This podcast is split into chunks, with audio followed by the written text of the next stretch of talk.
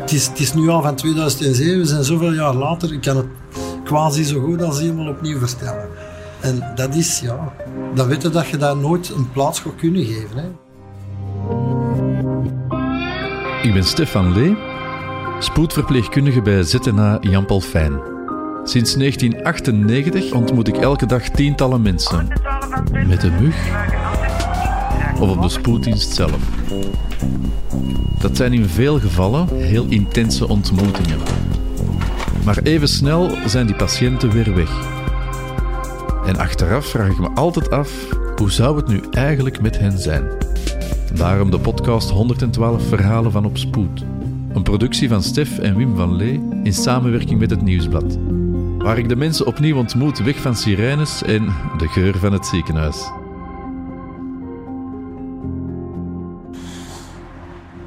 Bel 112, bel 112. Bij dringende geneeskundige hulp start alles bij een correcte en snelle hulpvraag. Interventies kennen een vlot verloop als we weten waar we moeten zijn, wie we helpen en wat er gebeurd is.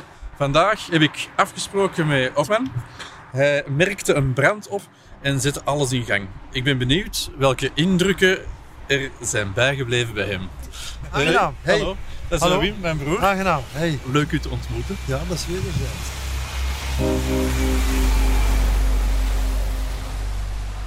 Als hulpverleners zien wij als nooit de mensen die eigenlijk de 112 of de 112 bellen. Ik ben eigenlijk heel benieuwd, wie ben jij? Wel, eh, ik ben eh Otman, eh 40 jaar, bewoner in Borgerhout, ex-buschauffeur ondertussen. Nogal vrij actief, medelevend voor- de samenleving. En een vrij harde werker op deze moment. Dus ja, voilà, dat Voilà. is Otman. Dat is Altman. Altman. Voilà. We gaan even terug naar 3 september eh, 2007. 3 september, voor velen was een, de eerste schooldag. Ja, je zet eh, de kinderen voor hun eerste schooldag terug op school af. De opkomende jeugd. En dan, eh, ja, dan kan je dag eh, van de ene seconde op de andere ineens eh, eh, doen keren. Dat is onvoorstelbaar. Dus, eh, Ja, want jij jij reed met je bus hier in de straat en ja, er was zoiets opgevallen. ja, heel veel rook. Dus eh, je eerste reactie is, oei, je staat wel stil en je, je kijkt naar de rook, je draait je hoofd om en, en dat is een fractie van een seconde. Maar je moet wel even bevestigen, omdat je dat, ja... Eén, je, je hebt dat nog, ik heb dat nog nooit niet meegemaakt. En twee, je wilt toch zeker zijn. Dus je kijkt een paar keer terug en dan, ja, dan schiet geen actie zonder dat je dat weet. Hè. Dan, eh, Weet je nog hoe laat het juist was? Ik, als ik eh, zo eh, grof moet zeggen, ik denk half zeven. Half zeven s morgens. Ik denk dat ik een van de eerste ritten was toen, die daar buiten reed. En ik had twee, twee dames op de bus, die dat eigenlijk helemaal niet gediend waren. die waren super kwaad. Dat je gestopt wordt. Ja, ja. Oh ja, want dan geraakten ze niet op tijd op het werk. En eh, ja, dat ging allemaal zo snel. En ja, dat is uw plicht als burger, hè, eh, veronderstel ik. Dat is uw reactie. Je gaat gedaan bellen. Hè. Ziet daar rook en, en je denkt, oei, dat is, hier, dat is in hier appartementen. Dus ik kan ik toch even bellen bij de mensen boven. Dat die op zijn minst eh, naar buiten kunnen lopen. Maar ja, dan, dan begint er een heel verhaal af te spelen. Hè.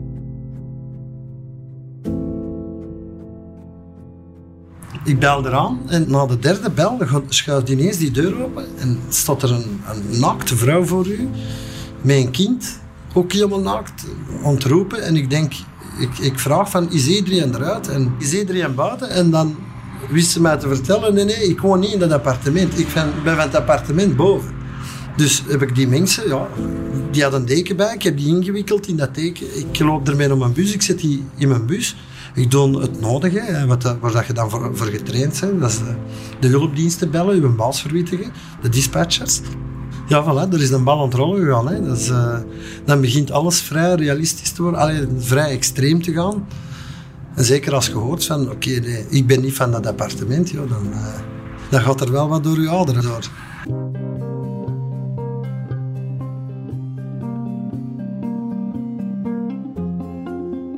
Ik denk dat ik zelf vijf minuten voor uw bus daar in voorbij gereden. Ah, serieus? Ja, want ik had te vroege. Ah, En wij beginnen om kwart voor zeven.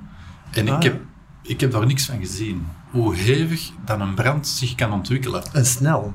En supersnel. Dat is, dat, is, dat is begonnen met een beetje rook door de rolluik. En dan... Ja, en dan... Dat is, van het moment dat die deur open gaat, ik denk, is dat, is dat door de zuurstof of, of door de lucht die dat erdoor gaat? Maar dat was ineens beginnen roken. Natuurlijk, je krijgt er terug kippenvel van. Hè. Je krijgt hier uh, van purkjes. Maar dat, dat gaat supersnel. Dat is, dat is onvoorstelbaar. En het grelligste van al is... En dat is waar dat je, ja, dat dat je niet van je kunt afzetten. En nu des te meer, omdat ik hier terug ben. Dat is... Uh, je hoort ze schreeuwen en roepen. En dat, dat gaat door merg en been. Echt waar. Dat is... Dan doe je eigenlijk, ja, zotte dingen. Want ik was er, als ik echt eerlijk mag zijn, ik was er zelf bekend in gebleven.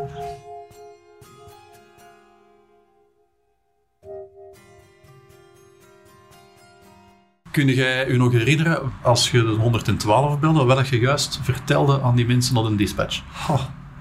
Uh, ik, denk, ik kan het mij niet 100% herinneren, maar ik denk, ja, een brand, maandje steenweg. Er zit hier een naakte vrouw met kind in mijn bus.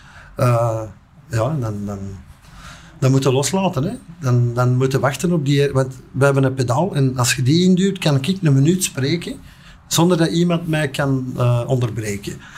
Dus ja, die minuut probeert je vol te praten. Maar wat ik juist toen allemaal... Ik zeg je, dat is zoveel adrenaline dat door je lijf gaat. Als je de pedalen induwt, dan luistert zowel de politie mee, de, de, de lijn dan, hè, mijn werkgever, en de, de ziekenwagen, de 112, die luisteren normaal gezien luisteren die allemaal mee op dat moment. Ik zeg je, alles ging vrij snel. Ik weet niet, is, is, waar die binnen de minuut daar, waar die, als je in een actie bezig bent, dan duurt alles veel te lang. Want wij hebben daar nog samen met, met de buren zo'n ruit als die daar, die dat kan aanwijzen, mm. proberen in te gooien met een baksteen. En ik weet, om eerlijk te zijn, ik weet zelfs niet of dat die plat is gegaan, want je bent met zoveel dingen bezig en, en hoort die kinderen roepen. Dat is, dat, dat is hard. Hè. Of dat de mensen dat daar in het ziekenhuis en zo allemaal over hun hart krijgen. Er, allee, ja, er een te klein voor. Dat, is, uh, dat gaat door merg en been. Het is een brand die, die mij zal bijblijven. Uh, waarom? Omdat er, ja, er zijn mensen gestorven. Hè. Nadien hebben we dan inderdaad gehoord dat, dat er onder die mensen ook kinderen waren die gestorven zijn. Ja. Uh, als je dan een dag later uh, het nieuws hoort of leest, want ik heb u trouwens ook zo gevonden via een artikel, ah, okay. er stond uw naam bij dat je de eerste getuige was ter plaatse. Als je dat nieuws leest, wat deed dat met u? Ja, dat is... Dat is je, je weet niet hoe dat je wij moet uiten naar de buitenwereld. Omdat er zoveel, zoveel vragen zijn. Want de lijn beschermt u daarin ook in, dat moet ik eerlijk toegeven. Ze zorgen dat je daar volledig van, van gedistanceerd wordt. Dat je daar niet, niet meer je gevolgen op inspelen. Wat bij mij een beetje ja, fout is gelopen uiteindelijk. Ja, je begint na te denken. Dat, dat heeft een tijd geduurd alvorens ik terug met een bus kon rijden, eerlijk gezegd. En bij het minste dat je hoort knallen, of dat je, of dat je nog maar rook ziet, dat kan van een auto zijn. Hè. Dan, dan begin je aan rond te kijken. Dat is een paranoia dat er in, in je hoofd zit. Maar natuurlijk wel heel lang naar een psycholoog moeten gaan. En, en dankzij die mensen ben ik terug een beetje terug uh, in uh, het normale leven kunnen terugrollen. In het begin, ah ja, er, schieten van wakker. Hè. Dat is... Uh, dat is, ja, dat is iets dat, dat, dat, je, dat kun niet wissen. Je moet dat een plaats leren geven, dankzij de psychologen heb ik dat ergens wel een beetje kunnen doen, maar ik ga het u eerlijk toegeven. Nu dat, ik er, dat is de eerste keer dat ik er terug over babbel. Hè. Nu krijg ik het wel warm. Echt, dat is iets... Uh, ik heb dat proberen zo een beetje te negeren. Maar dat is iets, ja... Dat, dat, het, is, is nu al van 2007, we zijn zoveel jaar later. Ik kan het quasi zo goed als helemaal opnieuw vertellen. En dat is, ja, dan weet je dat je daar nooit een plaats gaat kunnen geven. Hè. Dat gaat altijd een rol, een rol spelen uh, in, je, in uw verdere leven. Hè. Dat is... Uh... Nu, je hebt gedaan wat je kon. Hè. Je hebt, je hebt onmiddellijk de hulpdiensten verwittigd. Je hebt zelf hulp geboden, want je hebt geprobeerd om dat binnen te ja, ja, Dus je hebt alles gedaan wat je kon. Je kunt je echt niks verwijten. Maar toch heb je achteraf misschien vragen van... Zo, had ik dat of zo gedaan? Ja, had ik, had ik toch een beetje sneller geweest? Of, of had ik niet naar die mensen geluisterd? Want de, de mensen die op de bus zaten, die twee dames... Ik zie dat nog zo voor mij, dat die zeggen van... Allee, moest dat nu echt? Maar dat zijn dingen die je bijblijven. Dan denk ik morgen in mijn eigen... Morgen is dat bij u. als moeder of, of als, als familie. Het gebeurt bij u, dan zou je dat ook appreciëren. Moest een voorbijganger hetzelfde reageren.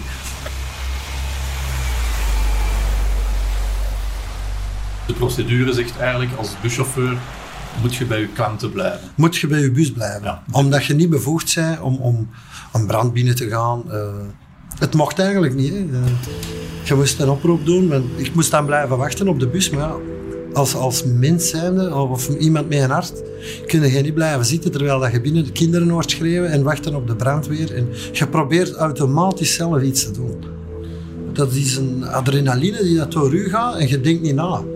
Het, eh, je- achteraf denkt je, het moesten uw eigen kinderen wezen. Ik denk, als je eigen kinderen hoort daar binnen en, ze zijn, en je ziet wat voor een brand en wat voor een hitte dat eruit komt, ja, ik denk dat je, er, dat je zelfs door dat vuur loopt. Dat denk ik persoonlijk. Ik, heb het, al, ik hoop dat ik het niet meer moet meemaken, maar ik denk dat je er gewoon los door loopt. Elke 1 september ga je dan terug naar, het, naar dat ongeval, naar, de, naar die brand. Ja, dat is waar dat de psychologen aan hebben gewerkt. Dat je dat zo ver mogelijk achter je laat. Je geeft dat een plaats en je gaat verder. En als, er, als het negatieve in je gedachten komt, moet je dat bestrijden met het positieve. Oké, wat kan er gebeuren? Het heeft wel een lange tijd geduurd. Dus op, ik moet wel zeggen, ze hebben mij serieuze ondersteuning geboden. Eh, ze hebben mij de tijd gegeven die ik nodig had. Want eh, ook al ben ik daarna terug gaan rijden, je rijdt met een, een bepaalde voorzichtigheid. Je bent gewoon eh, ja, alerter voor die dingen. Heel alert. Ik moet alles gezien hebben. Ik merk dat als ik ergens iets, of, ga eten, of, of iets, ga drinken, of op vakantie, of eender waar. Ik moet weten waar dat de nooduitgangen zitten. En ik, ik eh, centreer mij op een bepaald punt dat ik weet van oké, ik, ik kan die kant uitlopen. Uw partner of de persoon die dat op dat moment bij is, of de groep die dat bij is, die gaan dat niet merken. Maar in uw onderbewustzijn zijn ze daar wel mee bezig. 112 Antwerpen, ziekenwagen Antwerpen, 10, draagt over. Ja, ik zou wel zeggen, gewoon beginnen met dingen met hetgeen dat dringend nodig is, waar ik voor bel. Ik zou mijn naam zeggen en waarom ik bel. Eh, ik denk uw adres het beste. wie dat je zei, wat dat je probleem is en waar dat je zei. zeggen waar dat je bent, wat de toestand is van de, van de persoon zelf. Of dat hij in bewustzijn nog is en van die zaken. Het correct contacteren van hulpdiensten is van cruciaal belang. Alles begint met een goede hulpvraag. Het kan echt wel het verschil maken tussen leven en dood. Ik sta hier bij de ingang van het hulpcentrum 112 Antwerpen. Een blik achter de schermen is uitzonderlijk, maar ik mag vandaag je meenemen aan de andere kant van de noodlijn. Ik ontmoet Erwin, tonnen ervaring, want het is vandaag zijn laatste nachtshift. Dag Erwin. Avond, kom binnen, mannen. Ik het een Wees beetje, snel een gekomen. beetje super spannend om hier te mogen Ja, zijn. dat kan ik me voorstellen. Om ook, om ook gezichten te zien achter de, de stemmen die we normaal alleen op de radio Ja, horen. normaal gezien is dit off-limit. Dus, Ja, inderdaad. eh, welkom. Oké. Dan gaan we eventjes een lange gang door. Wanneer dat we naar het eh, zenuwcentrum gaan.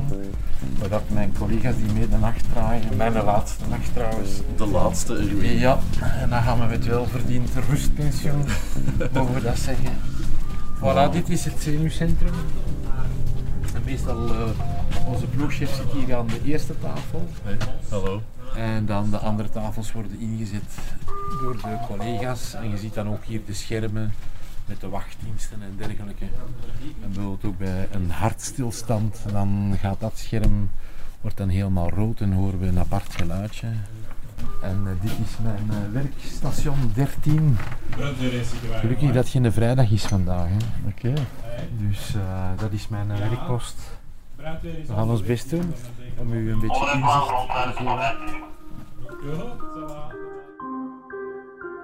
Dag eh, Erwin, je laatste nachtshift, dat moet toch bijzonder zijn voor jou? Ja, einde van een eh, tijdperk, een hoofdstuk dat we afsluiten. En eh, voor de mensen die nu nog jong zijn, het komt er sneller aan dan dat je denkt. Ineens een hele mooie boodschap. Hoe lang heb je hier gewerkt? 20 jaar. Hoeveel oproepen verwerken jullie per dag? Ehm, toen ik pas in dienst kwam, als ik dan ga kijken, hadden we zo misschien 15 tot 20 oproepen eh, op een nacht. En nu op hele drukke momenten kunnen we makkelijk aan 75 uitdrukken eh, op, op een nachtshift komen. op drukke dagen 3000 oproepen op 24 uur, waarvan dan 10% effectieve uitdrukken zijn voor de ziekenwagen, de mug, de pit, de brandweer. Dat is uh, immens om elke keer goedemiddag, goeie Ja, avond. en wat is het probleem te Dat vertellen? heb ik ook gemerkt in de afgelopen twintig jaren, dat eh, de mensen hun lontje korter en korter aan het worden is. Maar ik denk dat dat ja, eh, gewoon sociaal gegeven is voor het moment. Ja, ik denk dat dat ook in de functieomschrijving van een dispatcher Ja, moet staan. ja, de rust en de kalmte bewaren. hè. Dat proberen we toch te doen. Maar we zijn ook maar mensen, hè. Hoe verloopt eigenlijk zo'n oproep? Mensen bellen in en wat gebeurt er juist? Wel, ehm, ik heb dat gestolen van de Nederlanders, ik geef het toe. Maar ik had een vaste openingszin en dat was altijd brandweerambulance. Wat is het adres van uw noodoproep? 80% van de mensen gaan daarin mee. En waarom doen we dat? Eigenlijk die waar is het belangrijkste voor ons. Dat we al weten waar is het te doen. Want ik heb een prachtig computersysteem. Het zit vol met protocollen, ziekenwagens, mug, pits, noem maar op. En vanaf dat ik een adres heb, gaat mijn computer open en kan ik aan al mijn protocollen, aan al mijn wagens, kan ik zien wie dat de snelste is. Dat er al een radiofonisch is die ik misschien al kan inschakelen of zo. Wat dan het belangrijkste is van, wat is daar aan de hand? Dus als de mensen eigenlijk de drie zaken, de waar, de wat en de wie, waar ben ik, waar is het ongeval te doen, wat is daar aan de hand? Een ziektegeval. En probeer dan het ziektegeval te beschrijven. Is het een ongeval? Beschrijf het ongeval. Een verkeersongeval, een arbeidsongeval. En dan de wie, over wie gaat het? Hoeveel slachtoffers zijn er? Is dat een man of een vrouw? Is dat een kind? En bij een kind willen we buiten leeftijd en geslacht nog iets extra weten, dat is het gewicht. Dus als je dat altijd kunt meegeven aan ons, dat maakt onze taak veel gemakkelijker. Dus die waar, heel belangrijk. Het systeem gaat open, we kunnen het adres onmiddellijk invoeren. Dan de wat, wat is er gebeurd? Bijvoorbeeld iemand met ademhalingsmoeilijkheden. Kunnen we onze protocollen ademhalingsmoeilijkheden al open doen? Kunnen wij een niveau gaan bepalen van pitmug of ziekenwagen? En dan de wie natuurlijk, voor de, de inschakeling des gevallen extra voor de mug. En als we dan een gewicht te weten komen van dat kind, is dat ook uh, belangrijk. Als ze aan mij vragen, hoe moet ik de 112 bellen? Ik zeg altijd, ja, drie vingers. Wijsvinger, middenvinger, ringvinger. En dat is de vorm van de W. Waar, wat en wie. Dus ik hoop dat iedereen dat nu in zijn uh, oren uh, knoopt. Alsjeblieft. Erwin, kan je me nog eens een duidelijke omschrijving geven wanneer mensen naar 112 mogen bellen? Het is een noodnummer. We bestaan dus eigenlijk voor levensbedreigende toestanden. En natuurlijk ook mensen die ernstig ziek zijn. Maar zaken zoals een snijwondje aan uw vinger. En die persoon die ziet niet helemaal bleek. Of die, die gaat niet bewusteloos vallen. Ga dan zelf naar de spoed. Of ga zelf naar uw huisdokter. Heel kleine brandwondjes, kleiner dan een stuk van 2 euro. Ga naar uw huisdokter. Eerst spoelen, eerst water, de rest komt later. En van die toestanden. Maar belangrijk is van te weten, is iemand buiten bewustzijn? Niet twijfelen, bel 112, bel 112. Plus ook, wij geven PAI's mee, pre-arrival instructions. Bijvoorbeeld de moeder belt in paniek. Kindje van uh, anderhalf jaar uh, doet koortsstuipen. Wel, dan gaan we aan die moeder al uitleggen, terwijl dat er een ambulance en soms ook dikwijls de mug mee aan het uitrijden is, van wat die moeder moet doen. Dus heel simpele dingen geven wij al mee, hoe dat een bloeding moeten stellen. Bijvoorbeeld bij iemand die buiten bewustzijn is, die braakt op stabiele zijlichaam, de linkerzij draaien van die toestanden, geven we allemaal mee in onze PA's. Een klassieker voor de mensen die bellen naar de noodcentrale, alsjeblieft, laat uw slachtoffer niks meer eten, niks meer drinken. En mochten ze buiten bewustzijn gaan na de oproep, bel ons terug. Ik vind dat jij een, een mooie stem hebt, Erwin. Dankjewel. Je spreekt ook heel duidelijk Nederlands. We leven natuurlijk in een grootstad. Niet iedereen spreekt Nederlands. C'est vrai. Ja, hoe ga je daarmee om? Onze minister verwacht dat we minstens de drie landstalen beheersen en het Engels. Uh, nu is dat minder, maar vroeger hadden we maar gemakkelijker collega's die ofwel Spaans of, of Portugees of Italiaans praten. En dan konden die collega's die op dienst was onmiddellijk aanspreken. En nu de, de, de nachtshift gaat op. Johan is hier, ik kan onmiddellijk aan Johan vragen, ah, ik heb hier een Spaanstalige oproep, wilde jij dat behandelen? Er zijn systemen, we kunnen via telefoonnummers in contact komen met een soort van callcentrum die ons dan verder kunnen helpen. Maar ondertussen zijn er natuurlijk wel heel veel tijd aan het verspelen en het kan misschien niet zo ernstig zijn dan dat het klinkt in de stem van die oproeper. Uh, tegen de, tijd dat we dan die organisatie hebben gecontacteerd voor uh, onderling te kunnen spreken met elkaar. Um, Google Translate kan af en toe wel eens een keer helpen. We hebben natuurlijk België veel truckers, Russen, Polen en dergelijke. We hebben dan een vrij grote Noord-Afrikaanse gemeenschap hier. Dus af en toe geeft dat ook nog wel problemen. Eh, als dan de kinderen er niet bij zijn, soms moeten we het inderdaad doen met een kindje van 8, 9 jaar dat voor ons aan de telefoon de translate aan doen is voor de mama en de papa die ziek is of een ongeval hebben voorgehad. Dus dat is niet altijd uh, evident en dat is soms frustrerend ook. In mijn boek 112 verhalen is er zoiets dat mij uiteraard ook is bijgebleven. Daar had ik er niet over geschreven. Dat ging over uh, een, een moordzaak waarbij dat de dochter, ze was nog geen, nog geen 12 jaar zelfs, de oproep had gedaan naar de hulpdiensten. Zij hadden zich verschanst op de zolder, hadden de 112 toch kunnen bellen vanuit de zolder. Mijn papa doet mijn mama pijn. Op de achtergrond hoor je dat waarschijnlijk ook nog allemaal gebeuren. Uiteindelijk is die, die vrouw omgebracht met 16 missteken. Ja, ik vermoed als dispatcher, als je zo'n telefoonoproep hebt behandeld, ik geloof toch ook niet dat je dan naar huis gaat s'avonds en... Uh... Ik vind dat altijd een moeilijke. Je moet het een plaats geven. Ehm, er zijn natuurlijk zaken thuis als je eh, aankomt dat je met je partner zo even zegt van ah, we hebben vandaag toch een zware oproep gekregen. Maar moet dat toch proberen wel een plaats te geven. En dat is natuurlijk ook 112. Hè. Je maakt leuke dingen mee, grappige dingen, bevallingen. Iemand op de wereld zetten en twee minuten later krijg je dan een oproep voor een zwaar ongeval met, met twee doden bijvoorbeeld. Dat zijn allemaal zaken die je natuurlijk ja, erbij moet nemen. En effectief, eh, daar kan ik er misschien ook nog bij zeggen, de mensen die met de app 112BE zouden bellen bijvoorbeeld, daar zit ook een chatfunctie op. Stel je voor dat je in zo'n situatie zit. Je komt bij een gijzeling of een overval of er gebeurt zoiets thuis. Je kunt nu verschansen, maar je durft niet praten. Kan je nog altijd met ons chatten. Hoor even iemand langs sturen hoor, de ziekenwagen komt eraan.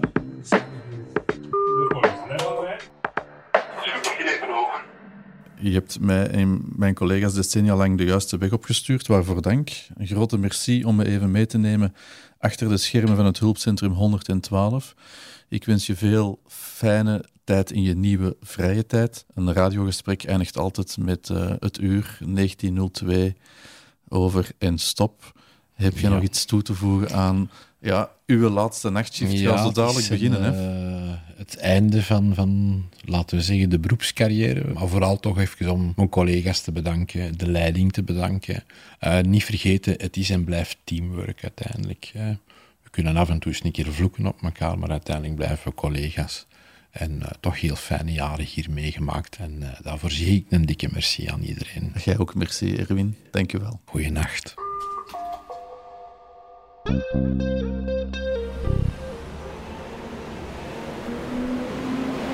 Ja, Otman, je lijkt me een vrij positieve mens. Zoals we hier ook ja, zien, uh, ja. zijn er dingen waar dat je je energie in steekt. Deels door de ervaring die je hebt meegemaakt. Wat ik anders doe, is ik, ik heb meer leren helpen. Dat wel. Als je ziet dat iemand in, in pech staat, een, een pannen heeft, of uh, iemand die u nodig heeft in de buurt, of zo, ja, jongere, oudere mensen. Je bent meer behulpzaam, omdat je, ja, je, je reageert daar helemaal anders op. Ik heb daar gemoedsrust bij. Het geeft mij enorm veel voldoening om, om er te zijn voor, voor mijn medemens. Ik heb heel veel steun gekregen van familie, vrienden, enorm veel steun. En dat merk ik nu toch wel na al die jaren, sporadisch of heel spontaan, schiet ik ter, ter hulp. Al is dat maar voor iemand af te zitten of, of een boodschap te doen voor de buren of voor, iemand van de familie. Dat zijn dingen, ja. Ik denk altijd, het leven is veel te kort. Dus moet het leven tot het uh, uiterste. En dat doe je ook vooral door mensen te helpen. Dat denk ik, dat denk ik ervan. Dus, uh, een vraagje. Heb jij rookmelders in je huis? Ja, ja. heel, de gang, heel de gang staat vol. De keuken, slaapkamers, overal zijn er... Uh... Ik heb, er, ik heb vandaag nog een batterijke moeten vervangen. Echt waar? ja, echt serieus. Nee, nee, dat zijn dingen, ja. En uh, een, een brandteken in de keuken, uh, een, een, groot brandblusapparaat in de gang, dat zijn dingen waar dat, ja, dat moeten hebben. Hè. En dat kun je alleen maar ja, naleven als je, als je, als je het hebt meegemaakt. Hè. Dat winst je niet bij je thuis. of bij niemand thuis, ik zou het zo zeggen. Otman, zowel bij u als bij ons, uh, laat ja, zulke dingen een indruk na. Ja. Uh, nog eens echt bedankt om, die bewuste dag ja, te helpen juist te reageren en te helpen, ja. want dat heb je ook gedaan. Ja. Uh, onze gedachten gaan natuurlijk naar de mensen die het toen niet hebben gehaald. Ja, zeker Daar denk en ik vaak vast. ook wel eens aan. En ik hoop dat ja, voor jou en je omgeving dat je het hulpcentrum 112 eh, nooit meer nodig hebt. Super graag gedaan. Ja, echt.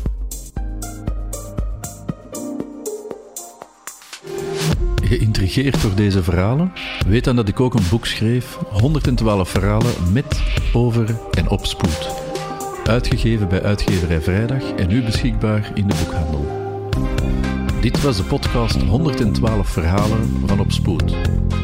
Ik bedank Otman voor het fijne gesprek. Dank ook aan de expert voor de extra inzichten. Muziek en montage gebeurde door mijn broer Wim van Lee. Voor de productie werkten we samen met de podcastredactie van het Nieuwsblad.